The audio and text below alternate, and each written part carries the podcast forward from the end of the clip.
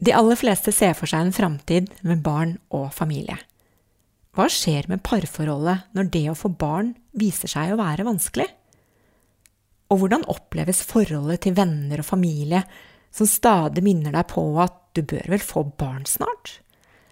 Og hva gjør en voksen kvinne når livet må defineres på nytt fordi ingenting ble slik hun hadde planlagt og håpet?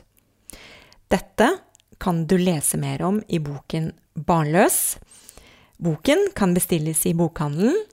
Du kan kjøpe den portofritt på barnløs.no. Og hvis du sender meg en e-post, så kan jeg skrive en hilsen til deg i boken. Da sender du til boken barnlos i ett ord at gmail.com.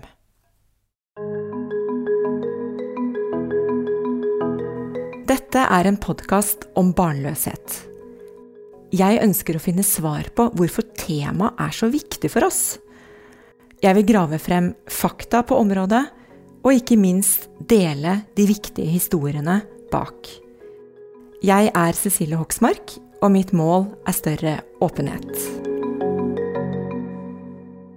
Og da ønsker jeg velkommen til Marianne Wahl Larsen. Takk. Og mm, Marianne, vi har truffet hverandre et par ganger før, men vi, vi vet ikke helt om vi husker akkurat hvor og når. Det stemmer. Og, ja, og det er eh, en felles venninne av oss som har spleiset oss sammen i denne episoden.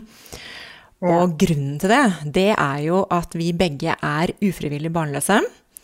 Mm -hmm. Og den andre viktige tingen er at begge to har valgt å være litt åpne.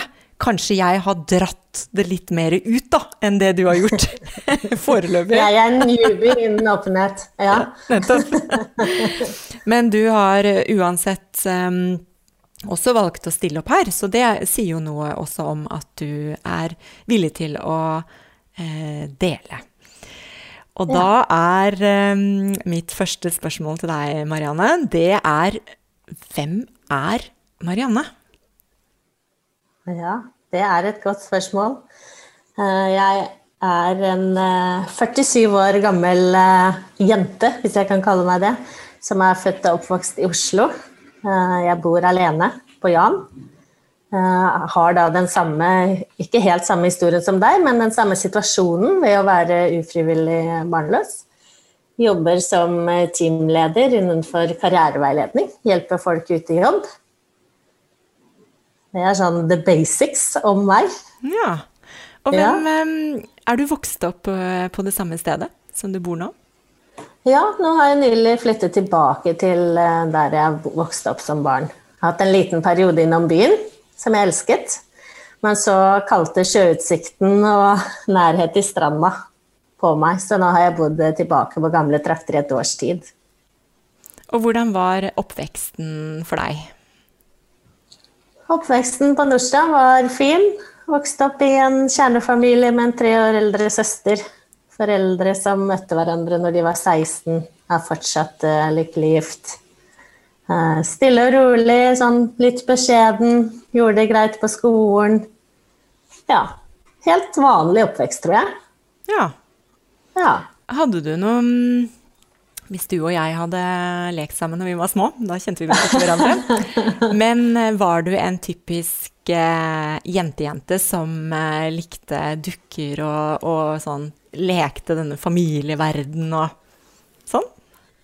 Jeg gjorde nok det som veldig liten. Altså, jeg husker jeg hadde en dukke som jeg veldig, var veldig glad i og lekte. sånn mamma, pappa, baby og sånn. Når jeg var veldig liten, likte barnevogn og trille rundt på det her og sånn. Um, så ja, jeg var nok litt sånn jentejente på den måten, men samtidig var jeg likte godt å henge med de tøffe gutta og kjøre veldig fort på sykkel og gjøre sånne ting også. Så liten miks der, tror jeg. Da, da, hadde vi lekt sammen. Ja, da hadde vi lekt sammen. Hvilken del hadde du vært med på? Begge deler. ja. ja, den miksen. Ja. Men hadde du noen um eh, liksom framtidstanker. Kanskje vi kan bevege oss litt eh, lenger liksom videre i historien, da, med når du på en måte var mer ung voksen. Hva tenkte du mm. da om om livet etter at du var ferdig med å studere og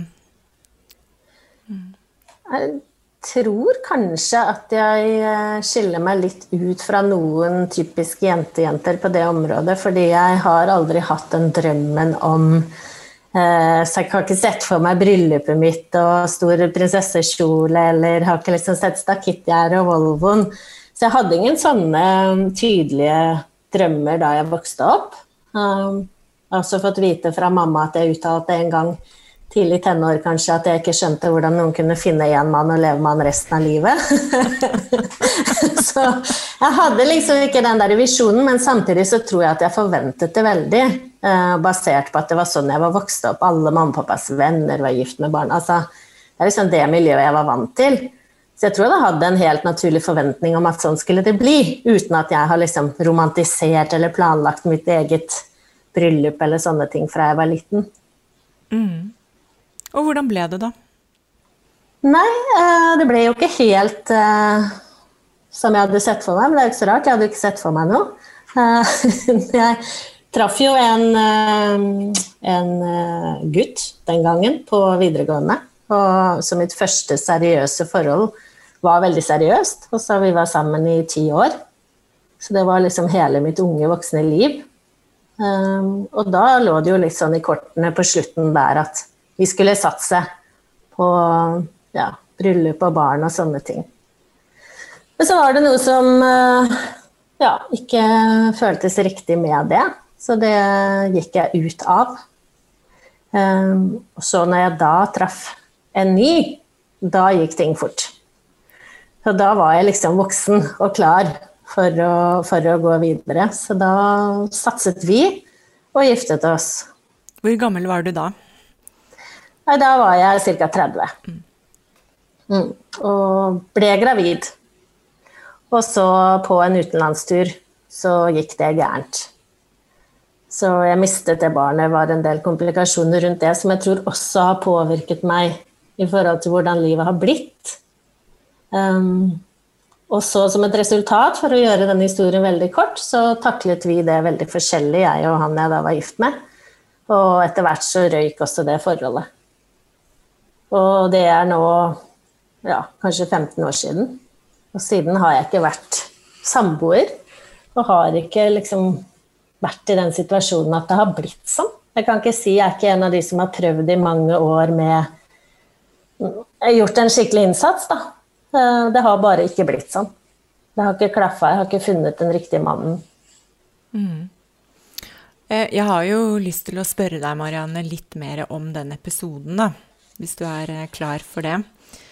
Det går fint. Ja, fordi jeg tenker at um, um, ofte så glemmer man litt at det er forbundet med en sorg, og at det er så mye mer som ligger der enn akkurat den hendelsen. Det er jo en slags uh, framtid uh, og en stor livsendring også, ja, med, tatt med i betraktning. Mm. Så hvordan hvordan opplevde du det? Det var jeg og moren min som var på ferie i Spania. Eh, og så skjønte jeg at noe gikk galt fordi jeg begynte å blø. Og vi måtte da inn på en legeklinikk i Spania. Og det i seg selv er jo litt sånn utrygt.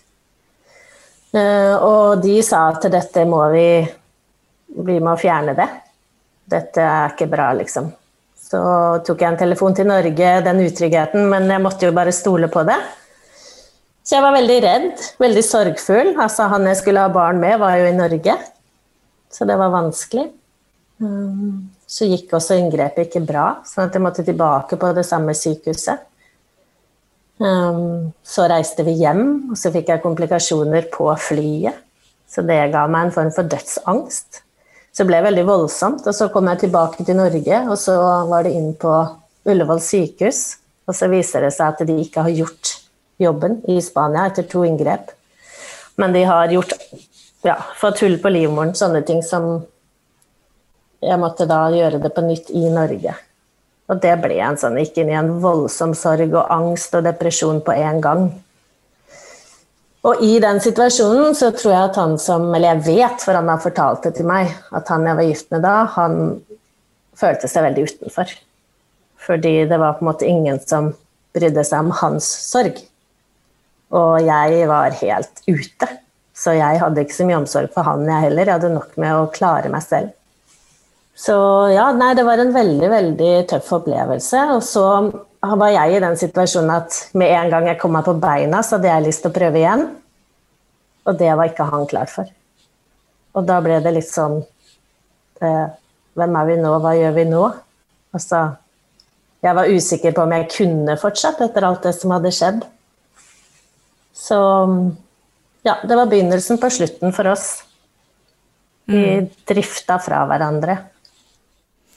Tror du at um, hvis dere hadde fått noe hjelp, altså samtaletimer med en god person, at det kunne ha hjulpet?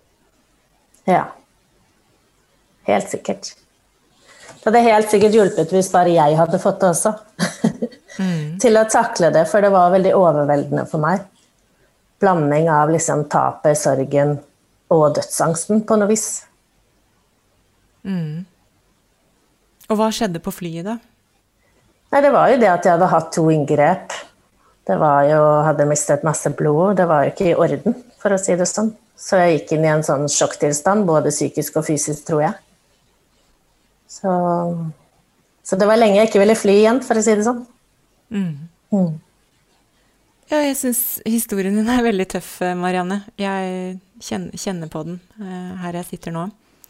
Mm. Hva tenker du at den historien uh, Hva skal jeg si har ført til? Hva har, hva har, den gjort med deg? Jeg tror det er flere ting. Altså for det første så tror jeg det tok unødvendig lang tid å bearbeide smerten rundt det.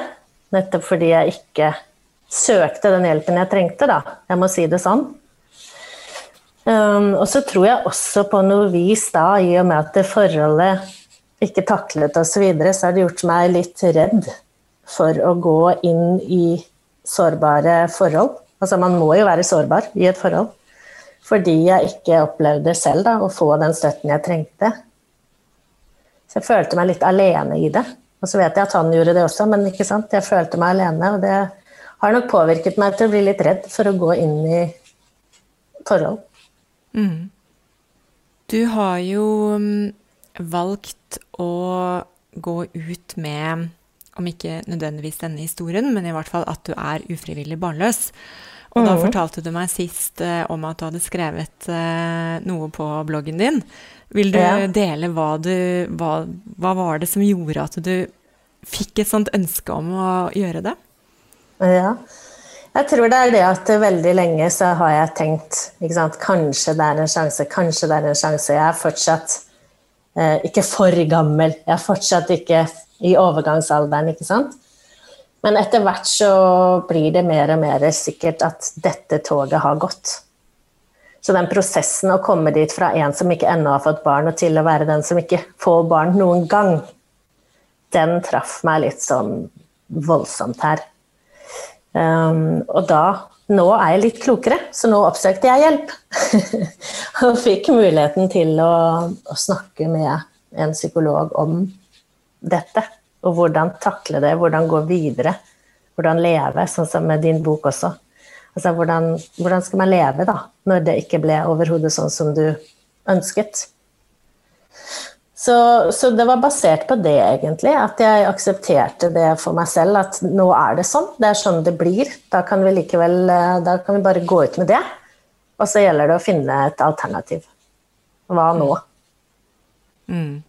Dette høres ut som det store vendepunktet. ja. Det, er, eh, det holder på å vende fortsatt, for å si det sånn. Jeg tror det tar litt tid. Så er det også det at eh, jo mer åpenhet. Altså andre også inspirerer meg jo med sin åpenhet. Og jeg tenker at åpenhet Altså jeg heier på prosjektet ditt fordi det hindrer jo dette utenforskapet. Ikke sant? Hvis folk vet om eh, hvordan situasjonen er og hva vi føler, så kan de inkludere oss eh, selv om vi lever forskjellige liv. Et eksempel på det, etter at jeg hadde skrevet den bloggen, så var det en venn av meg som fortalte at han skulle bli pappa. Og så sa han at det var litt vanskelig å fortelle meg det fordi han visste hvordan jeg har det rundt med det at jeg aldri ble mamma. Og det syns jeg var så nydelig. Og det sa jeg til han også, at jeg er jo så glad på dine vegne. Og jeg syns det er bare fint at du er litt lei deg på mine vegne òg. Fordi da er jeg liksom Da er jo jeg også en del av det. Så mm, jeg tror på at åpenhet gjør det mye lettere for oss alle å forholde oss til hverandre, da. Jeg tror mange er redde for å snakke om det, det er et vanskelig tema.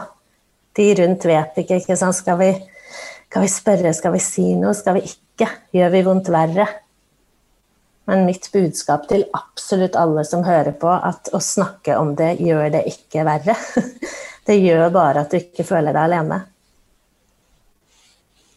Hva tenker du om de mm, sosiale settingene som eh, du er i da, på jobben og blant venner og familie? Hvordan kan det oppleves? Jeg tror mange som er eh, barnløse, meg selv inkludert, kan føle på det at ja, ja, hvis noen må ta den overtidsjobbinga, så jeg har jo ingen forpliktelser jeg får ta det, jeg, liksom. Jeg skjønner jo at du må hjem til barn, liksom. Eh, så litt sånn at det forventes at man er mer tilgjengelig og har mer tid, på noe vis, i jobbsammenheng. Eh, så har det jo perioder vært Jeg vet ikke helt hvilket adjektiv jeg skal bruke, men jeg har vært i veldig mange dåper og barnebursdager og situasjoner og lag som er sentrert rundt barn hvor det er veldig lite voksenkontakt. Hvor jeg på en måte bare føler meg som en tilskuer, fordi jeg har ikke med mine barn. Um, og det har til tider vært ganske jobbigt. Mm. Tenker du at um, hmm, ja, på en måte, Hva skulle vært løsningen? Er magien her at man på en måte eh, viser en slags um, aksept? Og at man på en måte eh, ser deg mer, inkluderer deg mer som Marianne som voksen? At man liksom tar seg tid til deg? Eller hvordan skulle man ha liksom, Hvordan løser man det? Jeg lurer veldig på det selv, så jeg spør deg. I, en, I, en, sånn setting type barnebursdag, f.eks.? Ja. Eller en samlings... Eh, venner møtes, og barna er der. Ja. For det første må jeg bare si at jeg er veldig, veldig glad i barn. Altså, jeg er veldig glad i barn. Så, og mine egne nieser, f.eks. Altså, det er jo Det å være tante er jo helt vidunderlig, og har vært det hele veien. Nå er de jo over 20 begge to.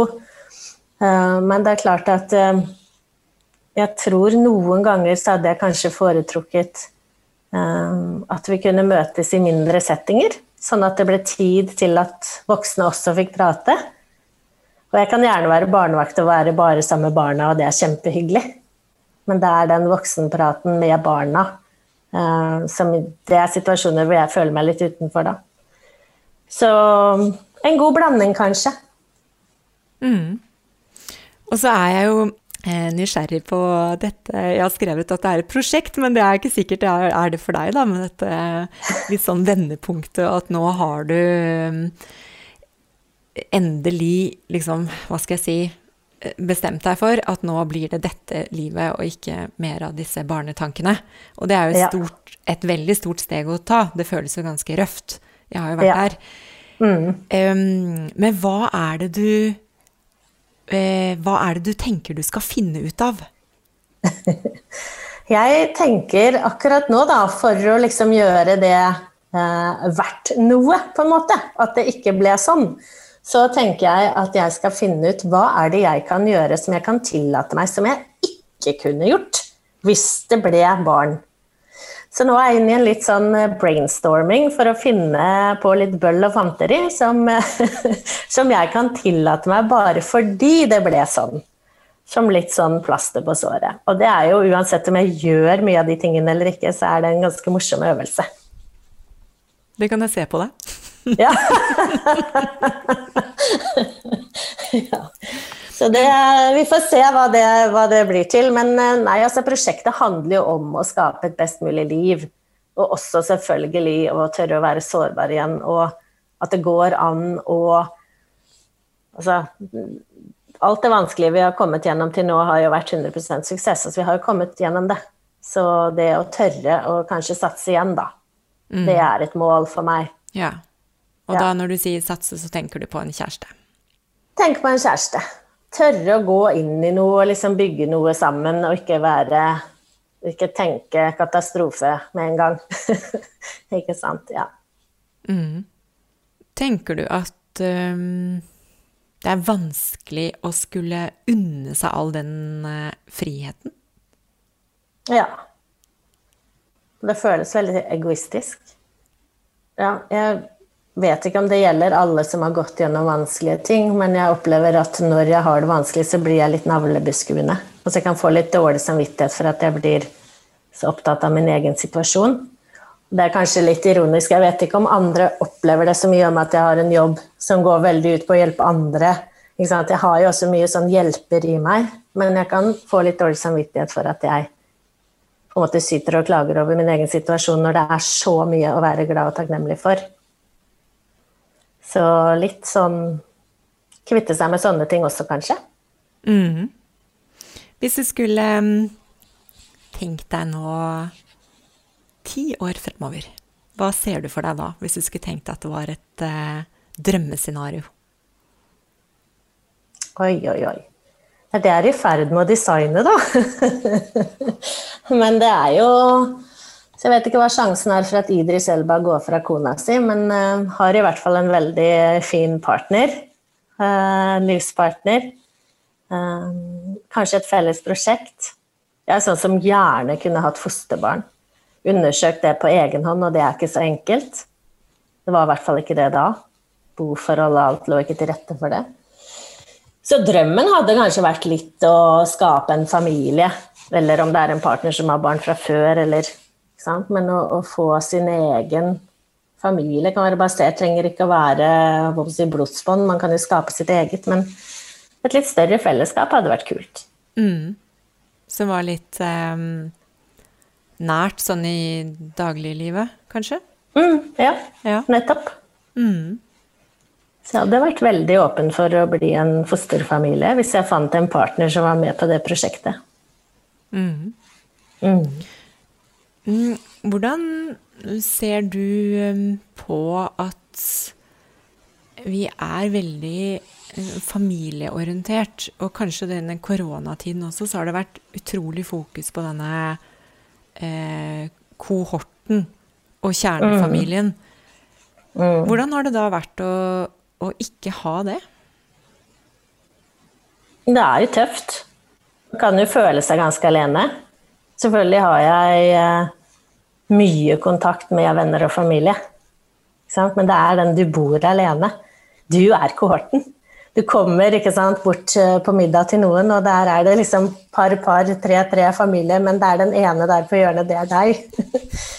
Så, men jeg prøver å løse det med litt humor. Jeg har en samboer som er en liten rosa teddybjørn. Og hun har liksom blitt en litt sånn ikonisk skikkelse i mitt liv. Og det, det tar familien også på alvor. Så når besteforeldre kjøper ting til barnebarna, så er hun med. Det vanker gaver på henne også, så prøver liksom å kompensere litt. Ja, men det er klart, for å være alvorlig, det er jo klart man kjenner på det. Og jeg syns også det at du ikke har den der i hverdagen som du kan prate om det dagligdagse med, og at alt må skje på telefon eller Teams. Jeg har fått virkelig sånn Teams-fatigue. Fordi alle venner, alle familier, det skal skje på Teams. Så det hadde vært deilig å ha noen som bare var her. Mm. Det høres ut som du har en veldig livlig fantasi. Du overgår min. det er sånn noen ganger tror jeg har lurt på om liksom Du vet at det bare er en teddybjørn. eh, ja, men jeg vet ikke helt med besteforeldrene. du, hva tenker du videre om å være åpen om denne eh, endringen i ditt liv, fra på en måte være ønske, om dette ønsket å få barn, og så innse at nå blir det et liv uten dine egne barn. Hva tenker du at mm. du skal eh, gjøre for noe? I forhold til åpenheten? Mm.